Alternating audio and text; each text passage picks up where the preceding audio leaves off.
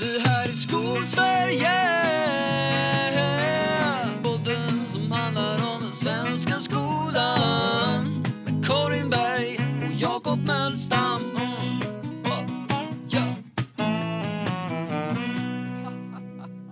Du hörs i världen. Vi hörs ju båda två någonstans i världen. Men, men hade jag inte liksom balanserat det så hade du hörts lite mer. Och så hade det varit ett svagt mummel mummel i bakgrunden. Så vet man att Jakob är med i den här podden med. Så är det! men det är bra Karin. Vi, vi bidrar med olika saker. Vi kompletterar varandra. Det är som salt och senap. Som de säger. Ja, som vi kompletterar varandra. Men jag bara funderar på salt och senap. Är det ett uttryck? Det finns en bar i Göteborg som serverar drinkar i sig ketchup och senapflaskor som är inspirerade av ketchup och senap, men salt och senap? Jag vet inte. Bara helt olika, det kompletterar varandra på olika skalor. Nej, Jag vet inte, jag försökte med någonting. Karin, det är fredag eftermiddag. Det är inte vilken fredag som helst utan det är fredagen innan sportlov. Det var ungefär 15 minuter sedan som jag sa hej då till mina elever. Och ungefär fem minuter efter det avsnittet är inspelat och klart så kommer jag vara på väg till en after work med mina kollegor. Och däremellan ses vi. Det är liksom universumet Ja. som det här samtalet finns i då. Var är jag du någonstans? är hemma faktiskt. Eh, och eh, jag har redan Du har gått, redan på, gått lov. på lov. Är det så? Lite tidigt. Jag lämnade liksom allt och bakom mig och åkte hem och unnade mig det. Eh, jag är ju annars Ja, jag är annars liksom expert på att jobba, jobba mycket. Det sa min, min jag var tvungen att vara, vara på ett sjukbesök häromdagen och då sa min rektor att ja, men vi kan ta det som, eh, som, som komp för du jobbar ändå alltid. Jag tycker om att ha en sån rektor. Det är lite fint. Mm. Du, Ja. verkligen någon som ser det och som tänker att vi läser Eller det. hur? Ja, men det är sant. Det är sant. Ja, men man ska verkligen unna sig Mm. någonstans och bara checka ut också. Nu tycker jag inte det har varit en sån här kaosperiod. Jag vet inte hur det har varit för det, men för mig har det inte varit en sån här kaosperiod som varit liksom... Du vet att man bara, jag måste stå ut i mål och sen går man i mål Nej. och bara... Ah. Men eh, det är ändå... Om inte annat för att det är roligt så är det värt ibland att bara här, fuck it, Eller nu drar vi. Bränn allt. liksom. Jag har läst ganska mycket de senaste dagarna om Donald Trump och hur det gick till när han lämnade Vita huset och liksom vad som hände med olika Mhm. dokument och grejer. Jag vet inte om du följer med den diskussionen men det har liksom försvunnit så här, lådor med dokument som ska skickas till olika arkiv för att all presidentens korrespondens ska skickas till arkiv. Och de har bara försvunnit med till hans sommarhuset i Florida och liksom det har bränts skit och det har liksom eh, han har haft så här, stopp i avlopp för att han har spolat ner dokument bokstavligt talat Är det sant? absurda historier. Som jag säger, vad fan är det här? liksom, efter åratal av hans ovanor av att riva sönder papper när han är klar med dem. Så att det får sitta folk som sitter och tejpar igen dem igen. För att alla hans dokument ska sparas. Och någon som har liksom förklarat för honom. Till att liksom det här kontoret som är byråkrater har fått åka ner till Florida och liksom göra någon sorts raid i hans sommarhus för att hämta tillbaka det som går att hämta tillbaka. Absurt, men det finns någonting schysst med den inställningen till att dra ändå. Så här, fuck it, nu Mm. bränner jag allt. Ja, om tio dagar är vi tillbaka till här igen. Då ska vi göra jobbet, så man kanske ska tänka på det. Men, men samtidigt, det är framtidens lärares problem. Det är inte nutidens lärare. Nutidens lärares problem är jag har lov, vi drar. Vi, drar, vi bränner allt. Jag Ja. köper det. Jag, jag, jag kan ändå någonstans i mitt hjärta finna Ja, det. nej, men det är skönt. Det, det, ja, nej, jag har inte heller haft någon kaosperiod. Det enda jag har haft är att eh, mina elever har fått byta lärplattform denna veckan. Ehm, och eh, jag har lärt mig, eller jag har egentligen bara fått bekräftat att kommunikation är det svåraste som finns. Det har jag fått bekräftat utan att liksom, det är fruktansvärt svårt. Eh, hur man formulerar sig. Det är en bra sägning. Det kanske vi ska spara till våran eh, kommande Ja. magisteruppsats. Eh, Skriv ner det här Karin. Kom ihåg det. nej men det, Citera vår egen podcast i, i uppsatsen. Kan man göra det utan att vara alldeles för mycket men å andra hybris? Nej, sidan, jag tror inte. Jakob, jag kan gärna ha hybris. Jag tycker ibland att, ja, Ja, vi, vi kan ha det för att vi behöver inte blanda in podcasten och uppsatsen i det för, för den sakens skull. Det kan Ja. vara två olika världar. Vi kanske släpper en ljudboksversion av den uppsatsen när vi anställer någon riktigt bra pratare som är lagom i ljudnivå som läser igenom hela våran uppsats. Kan vi släppa det som ett avsnitt? Det har varit jätteroligt. Och ha någon riktigt långsam och sävlig röst. En så knarrande morfars röst som läser igenom hela den uppsatsen. Åh, vad jag vill göra det! Ja, Åh, vad jag vill göra det! eh, men finns det inte en sån här Somna med Henrik eller Somna med Fredrik som podd där han läser saker så att folk somnar?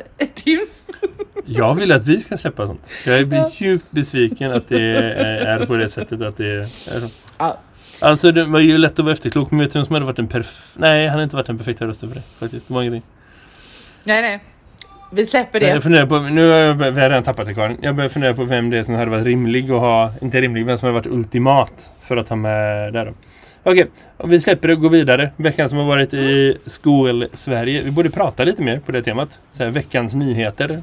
Har lite sånt prat ibland.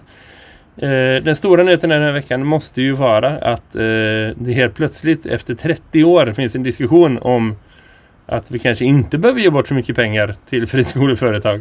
Eh, så, och då är det inte så här vi borde stoppa vinstuttag helt och hållet. Eh, Jag har bara läst lite rubriker, lite snabba artiklar. För jag har ändå haft en del att göra de senaste dagarna. Så. Mm. Eh, jag har täckt för liksom, mina två närmsta kollegor och planerat för vikarier och så. Det har gått bra, för vi har haft finkrum med vikarier. Men eh, jag tänker att jag inte läst jätte- jättenoggrant. Men vi- visst är det så? Mm. Att man bara säger att liksom Idag är regeln att 100% av elevpengen går lika mycket till friskolor eller till grundskolor eller gymnasieskolor beroende på eh, liksom var man är. Mm. För att huvudmannen ska få hela pengen för att det är ett helt skolval. Så. Mm. Och det har man haft i typ 10 år någonstans. Jag gissar där någonstans. Nej, längre, längre, längre, längre. Okej, men därför, man har inte haft det sedan början utan man införde det efter ett tag. Mm. För det var liksom, jag gissar alliansen. Nej, det var, jag tror det är Göran Persson som har infört detta, förstår du. Jaha, vad roligt. Ja. Tack. Tack Göran. Men i alla fall, Mm. poängen var att man införde det för man, man tyckte det, det ska vara ett helt skolår och så. Mm. Och då räknar man inte med att så här, den kommunala delen av en skolorganisation slutar inte vara ansvarig för elever bara för att de går på en fristående skola. Nej. Exempelvis om en fristående skola lägger ner så kommer du dagen efter ha en plats på en kommunal skola som är redo att ta emot dig. Mm. Eller liksom tjänster som fristående skolor bara inte vill göra kommer finnas hos kommunala skolor. Jag kan ge ett sånt exempel från min skola. Jag jobbar på Mm. Göteborgs tredje största skola. Som också på pappret är fritids åt en friskola som ligger här i närheten. För att de har inget eget fritids. För det ville de inte ha. Okej. Nej, för att det är en eh, kostnads liksom intensiv eh, verksamhet som inte ger dem någon vinst. För de får inte en massa extra pengar för det. Nej. Även fast de inte är så stort eh, liksom, ekonomiskt att jag håller upp. Så är det en liten grupp elever i den, de precis åldrarna som är de yngsta åldrarna de har. Som, som liksom vill gå på fritids. Då är det varsågod kom över. Eh, och det finns ju någon ekonomi naturligtvis i det också. Men liksom det symboliserar hela balansen någonstans att liksom om man ska få plocka körsbären ur kakan och inte vara liksom en riktig huvudman utan mer så här en som har ett hus och lite lärare typ. Då Mm. kanske man inte behöver ha hela den pengen för det blir dyrare att planera en organisation som hela tiden är redo att ta emot. Liksom nästa vecka är det 300 elever som ska ha plats. Okej. Mm. Och hur löser man det så att man inte bryter mot lagar så att man inte liksom sabbar för elever så? Mm. Då, då, då är det faktiskt så att, att mm, alla elever kostar inte lika mycket. Det är fascinerande. Först och främst, stämmer min bild? Har jag beskrivit det rätt? Eller du som har läst det här bättre än vad jag? Nej men ja, men det, det, det, jag tycker det är intressant för att det finns liksom lite två parallella spår för att eh, eh, det här, den här nyheten pres- presenterades i eh, onsdags tror jag det var va? Eh, och, Mm. eh, och, eh, då är, och det är ju inte, det finns ju, vi har ju pratat tidigare i den här podden om Åstrands förslag.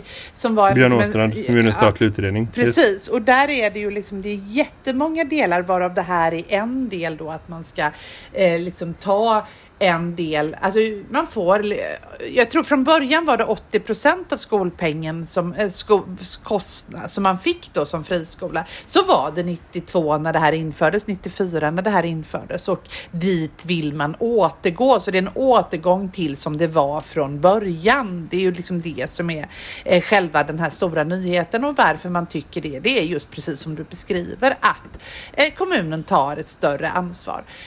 Men också just det att, att alla elever inte kostar lika mycket och det har varit väldigt komplicerat eh, att Eh, om man ser en skola som far illa så behöver man skjuta till pengar dit. Då ska den fristående skolan som inte alls har problem eller den kommunala skolan som inte alls har problem eh, få lika mycket pengar. Eh, Visst är, är det verkligen så? För menar, Ja. i, i, i- huvudmannaorganisationer där man har en viktning för sin social och liksom socioekonomisk bakgrund eller så, mm. så, så är ju liksom så att friskolorna följer ju samma system. Eller hur? Ja men absolut, men, men, eh, och, eh, men, men, men sen då om det visar sig att det, liksom, det var någon, alltså om vi övertrasserar våran budget i den kommunala verksamheten så, och eh, så måste liksom friskolorna bli kompenserade med lika mycket. Jo men jag vet det. Jag vet det liksom efter tre år så. Mm. Om man liksom ska satsa systematiskt på hela grundskoleorganisationen Mm. så. Om, om vi skulle säga då liksom att alla grundskole och gymnasieskolor i hela Göteborg får 10% högre anslag Mm. för att vi vill göra det. Då, då måste man göra samma sak. Mm. Men om man säger att nu gör vi en, en riktad satsning på liksom de socioekonomiskt svaga områdena. Eller vi, vi liksom höjer index för de här och de här så att liksom skolor som bedöms enligt det gemensamma systemet ligger på det här och det här värdet som är här och där. Eh, så då, eller om man säger så här, nu satsar vi en miljard på liksom svenska som andra språk eller på modersmålsundervisning. Inte modersmålsundervisning för det är inte en del riktigt av den vanliga verksamheten. Men liksom så. Mm. Då är inte det självklart en verksamhet som är så här, ja då måste du ge en miljard till friskolorna utan det är bara att de måste få det enligt samma system, eller hur? Precis, men och det här är ett stort men då att i en, en kommunal skola, eh, alltså det är ju inte, alltså det är ett ganska trubbigt system för att Mm. eh, det, det är ju till och med så att det är ganska lukrativt att eh, få duktiga barn från de socioekonomiskt svaga, un, eh, svaga områdena. Alltså Ja. de, elever som har ak- akademiska föräldrar, eh, barn som har oavsett bakgrund, alltså som bor i socioekonomiskt svaga områden, de är ju lukrativa att få till en friskola för de får hög skolpeng men är lättundervisade och det är också de du kan locka. Det är ju inte de som liksom har det jävligt körigt hemma och som har en massa, massa behov.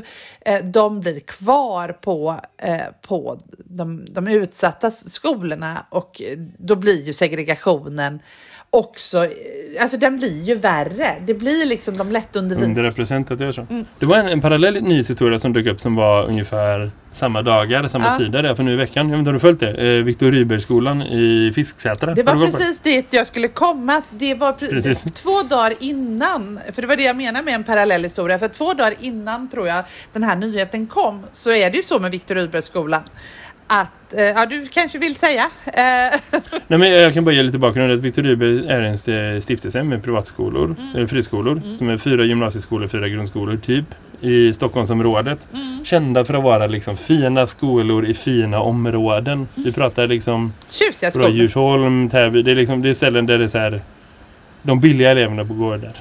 om man ska säga så. Ja. Det är inte liksom en skola som är känd för att hänga i, i ett, ett företag som är kända för att liksom eh, jobba i de utsatta områdena. Nej. Men så etablerade de sig i Fisksätra. Man tog över en skola i Fisksätra. Mm.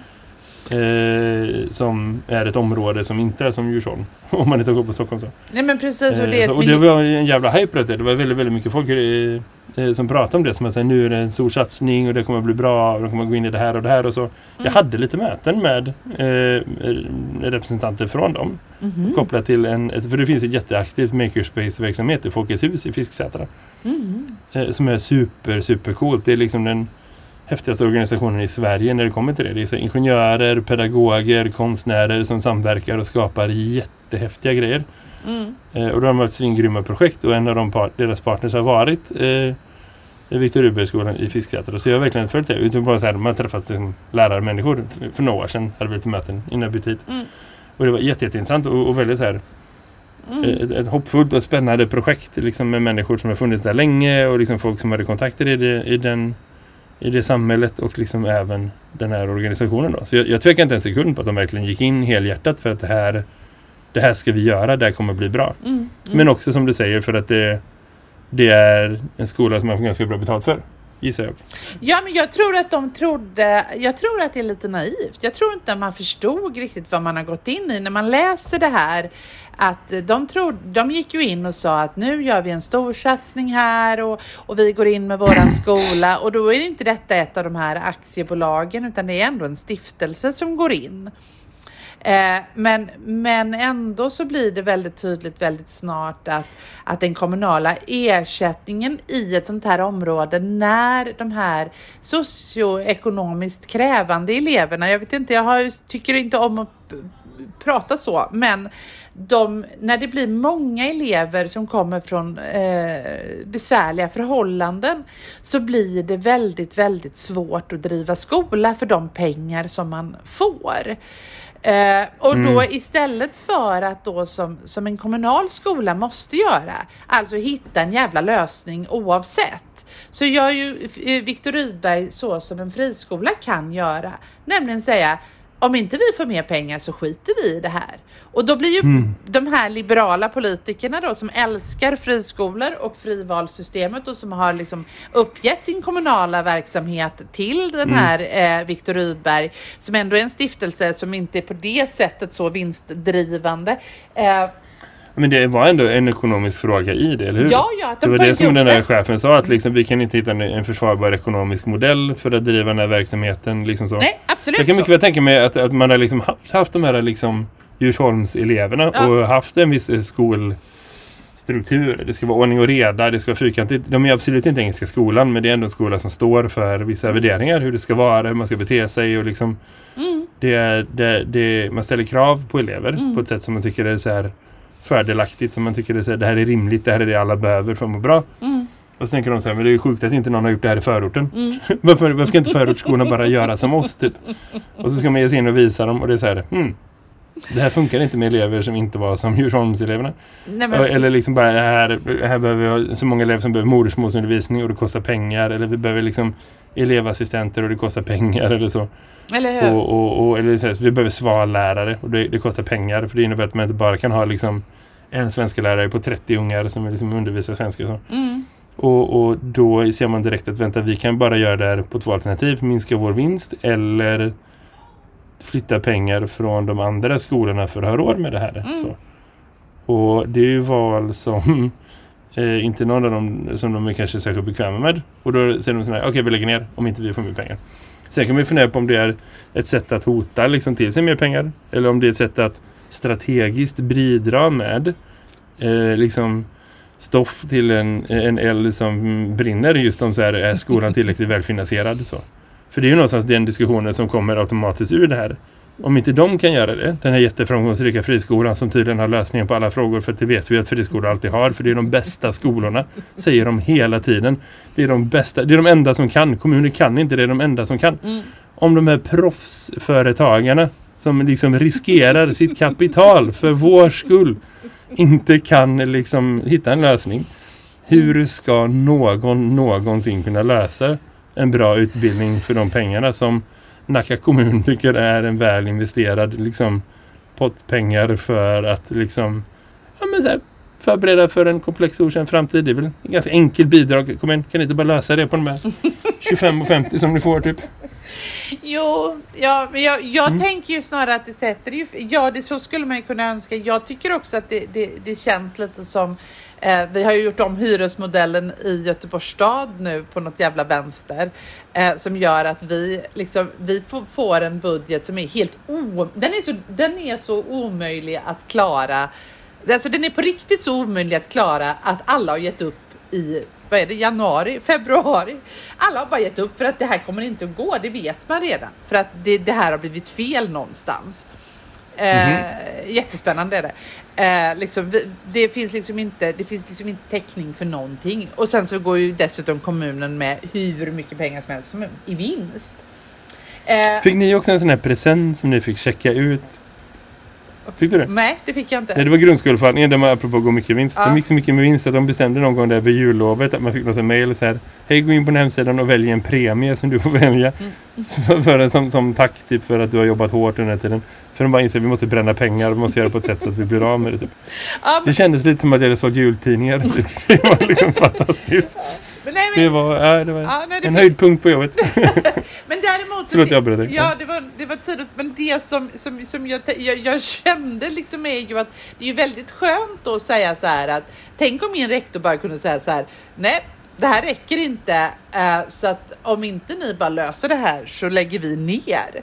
Eh, det kan ju inte vi säga. Vi kan ju inte säga bara så här, vi skiter i den här eh, att driva skola för vi har fått för lite pengar. Men det kan Nacka, eh, de här Nacka, Viktor, eh, Viktor Rydbergsskolan i Fisksätra kan ju säga, hörde du, om inte vi vill så kan vi bara skita i det.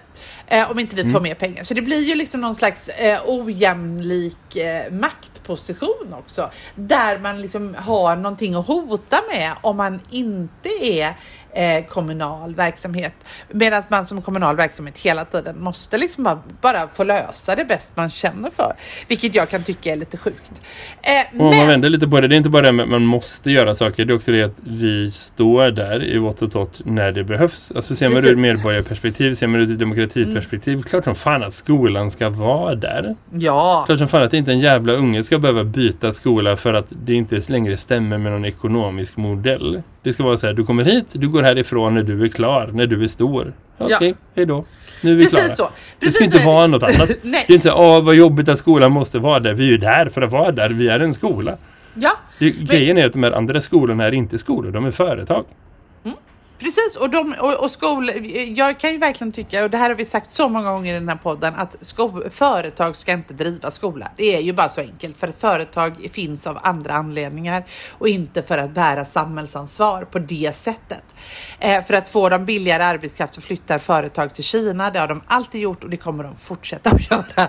Eh, men jag tänker att det här, man, man skulle kunna tycka i din och min värld, Jakob, så är det ju så där att jag såg liksom på Twitter och på Facebook och folk bara äntligen eh, skrev man om det här förslaget. Tankesmedjan Balans som du och jag eh, brukar följa intensivt har inte vad jag har sett kommenterat det här förslaget om att eh, man ska då sänka bidraget. Och vad det beror på vet jag inte, eh, bidraget för friskolor.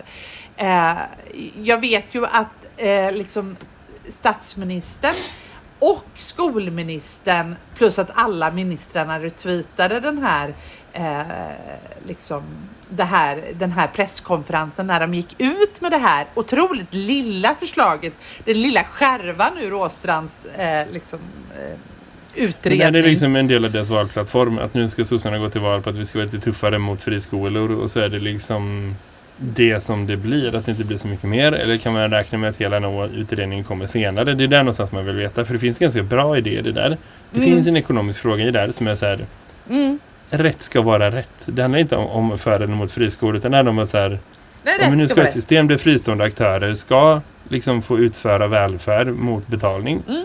Så ska de få betalt för den välfärden de utför. och inte Och de står inte för det skyddsnätet som eh, den kommunala skolorganisationen gör. De gör inte det. De agerar inom det.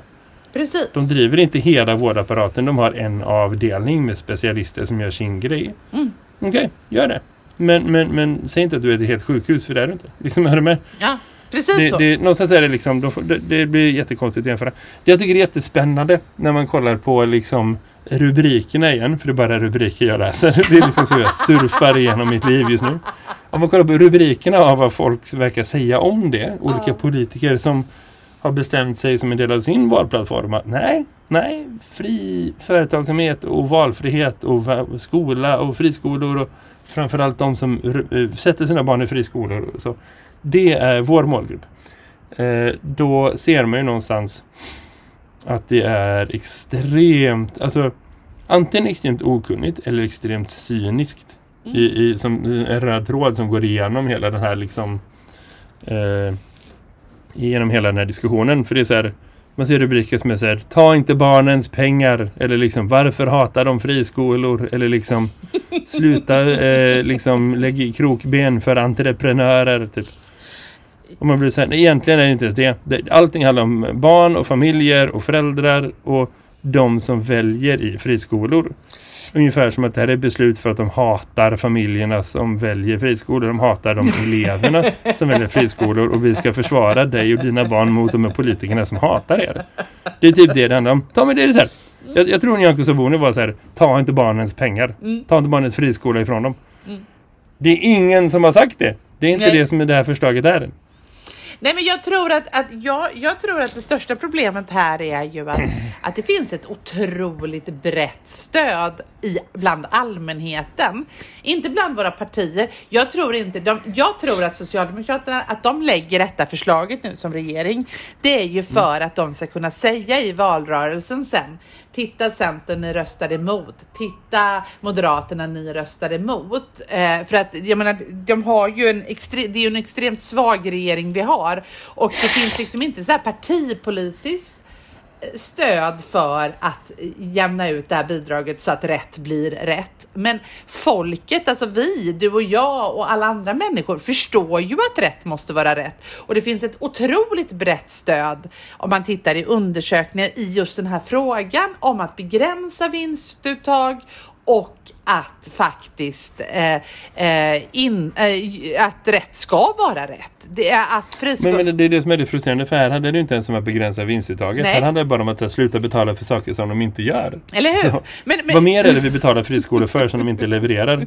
Får de betalt för att här, köra buss? Får de betalt för att liksom kratta rabatter? Får de betalt för att liksom ta hand om pensionärer? Får de betalt för att... Jag vet, jag vet vad mer är de... Vad är det mer de gör? Som de inte gör, men som de får betalt för. Ja. Som är en rimlig grej att vi ska ha. Nej, men eller hur? Alltså någonstans är det bara en, en ekonomisk sak. Så här. Vi köper tjänsten A, ni får betalt för tjänsten A. Precis. Och, Är det en valfråga? Karin, här, jag orkar inte. Ska vi gå till val? Ska vi liksom ha ett helt år av valrörelse? Att man säger, nej, jag vill betala lite mer än vad vi har. Va? Bara för att det inte är dina egna pengar. Sluta ta mina pengar och använda dem på det sättet. men det är verkligen så. Men, men jag tror att det är så. Att det är, liksom, det är strategiskt, liksom, ett strategiskt eh, och eh, jag tror också att man kommer att vinna röster på det. För att saken är ju den att, att eh, det här kommer att måla in våra, våra eh, alltså Annie Lööf och de här. De måste liksom, rätt måste vara rätt och det, det är smart att välja just den här eh, Och det är punkten. också så lätt att lura människor. Ja. För att det är så många människor som går genom livet och inte någonsin funderar. Och som bara tänker, okej, här kommer paradoxen, jag öppnar upp för det. För det är så många människor som bara seglar genom livet och bara läser rubriker. Är du med? Det är vi tillbaka till. Men, men det är någonstans, det är ett problem i det.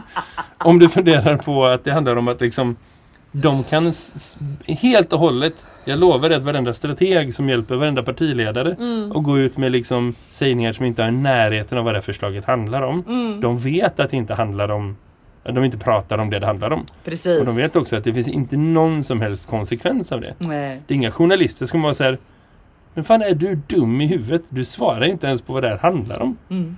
Det är inga väljare som vara så här mm, Det där är lite ohederligt. Vi kommer inte rösta på er för att ni verkar inte vara här för att diskutera sakfrågor utan leka någonting istället.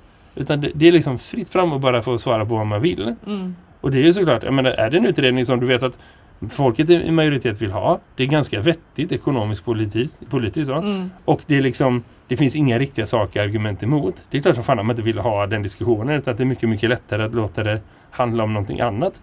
Det enda som förlorar på det är det svenska folket. Mm. Både liksom rent politiskt och liksom elever och deras framtid så, och vi som samhälle och vår framtid. Mm. Och också liksom rent intellektuellt. Mm. För att någonstans är det så här att varje gång vi har politiker som debatterar på den nivån Mm.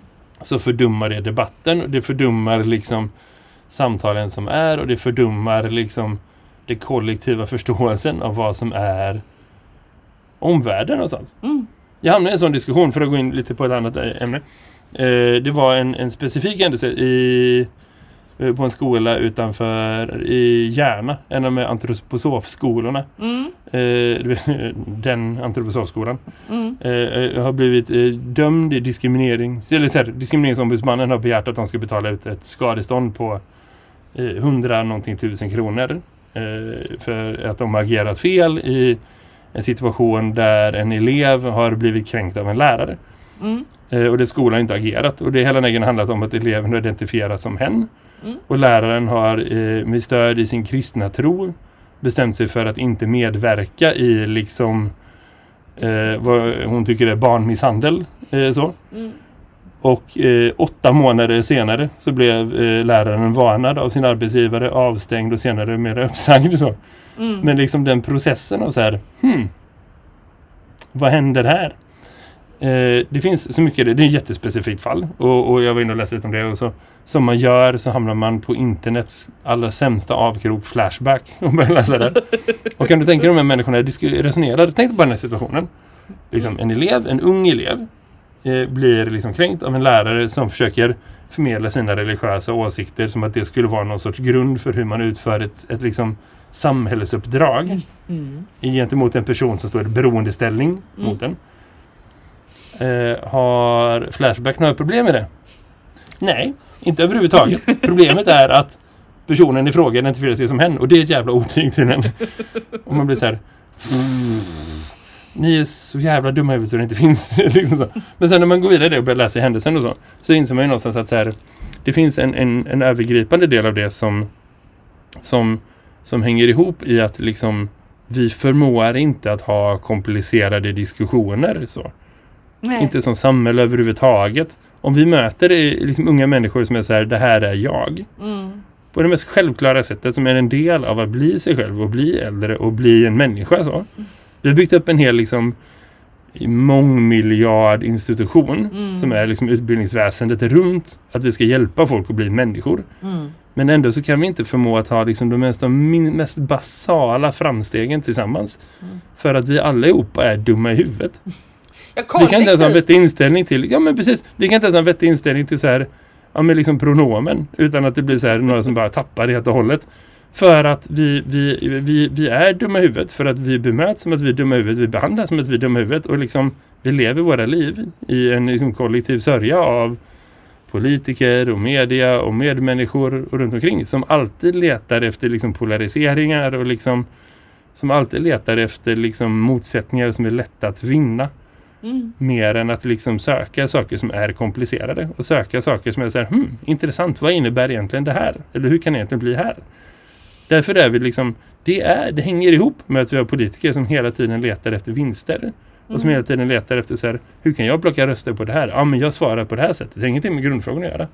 Och det är klart man inte där och då tänker att nu är jag med och bidrar till att människor och samhället ska bli lite mer puckat. Men det är ju det som händer. Ja, men det, det är ju det här, det, det är ju det som händer och jag tänker jag hade önskat att vi faktiskt var lite mera kritiska. Eh, det finns ju, vi kommer ju översköljas nu av eh, sådana här fullständigt självklara uttryck som ordning och reda i skolan eller nu får vi ordning på Sverige eller nu får vi, eh, nu ska vi ha det bra allihopa. Eh, Det kommer att stå på alla Jag de här. hittade en sån grej, en jättesån specifik grej, förlåt jag Ja. ja. Det var i andra meningen i Nyamko Sabonis kommentar, förutom sluta ta barnens pengar. Ja. Eh, Det var så här, vi eh, satsar 14 miljarder mer på skolan än regeringen och därför är det inte alls konstigt att vi vill att för- friskolan ska ta ut pengar och så. Som att det är riktiga pengar. Som att Nyamko Sabuni har 14 miljarder någonstans som att hon kanske eller kanske inte investerar i skolan. De pengarna finns inte. Den budgeten finns inte. Det är ett parti som ungefär var 20 människa i det här landet röstar på. För att 19 av 20 röstar på någon annan och det kommer de behöva kompromissa med sen. Att man liksom vi kan inte ens förhålla oss till det. Det är också en del av det valfläsket. Ordning och reda. Ska bla... Ja, Hon kan lika gärna säga att hon ja, satte men- 140 miljarder på skolan. Det är ingen skillnad. Men det jag skulle säga är ju också att, att det finns ju, alltså för att någonting ska vara retoriskt intressant så måste Mm. det ju finnas en baksida. Det måste ju finnas någon som vill ha oordning i skolan för att ordning och reda i skolan ska vara intressant. Nu får vi ordning på Sverige. Nej, nu får vi oordning på Sverige. Det är det jag såg i någon av eh, Moderaternas nya så här, affischer som tapetseras. Nu får vi ordning på Sverige. Ja, var det någon som inte vill ha ordning i Sverige? Vem är den? Alltså, det, går ju inte att liksom säga. Jag har sett de affischerna. Jag är inte säker på att det flyger så bra som de tror. För jag tror inte att han är så snygg som de tror att de tror. Nej, men det är skitsamma. Det jag menar är ju att... Ja, att men hälften inte- av den affischen går ut på att han ska se snygg ut. Jo, jo, men skitsamma. Det jag menar är att vi måste sluta säga saker som är uppenbart. Alla vill ha det bra i Sverige. Alla vill ha ordning. Alla...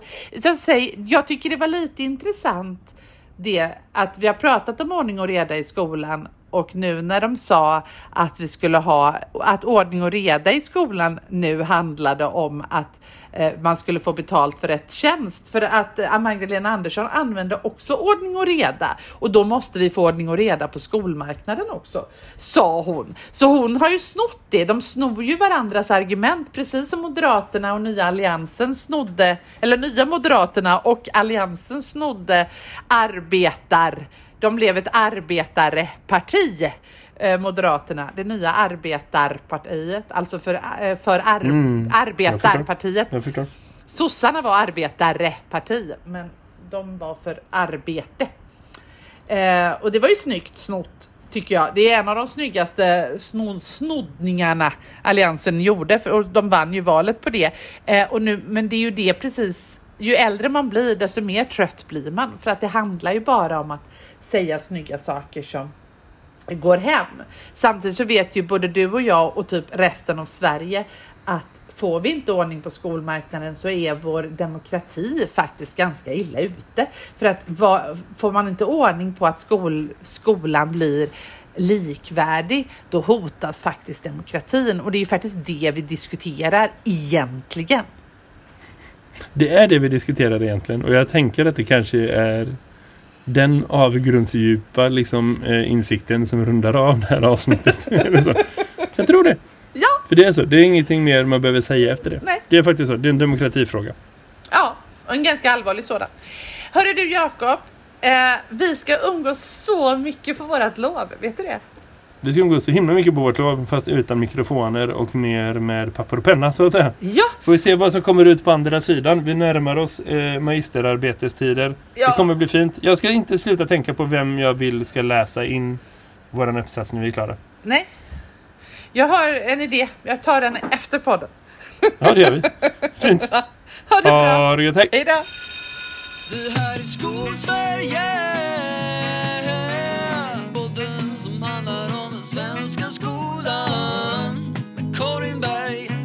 Jakob Mölstam.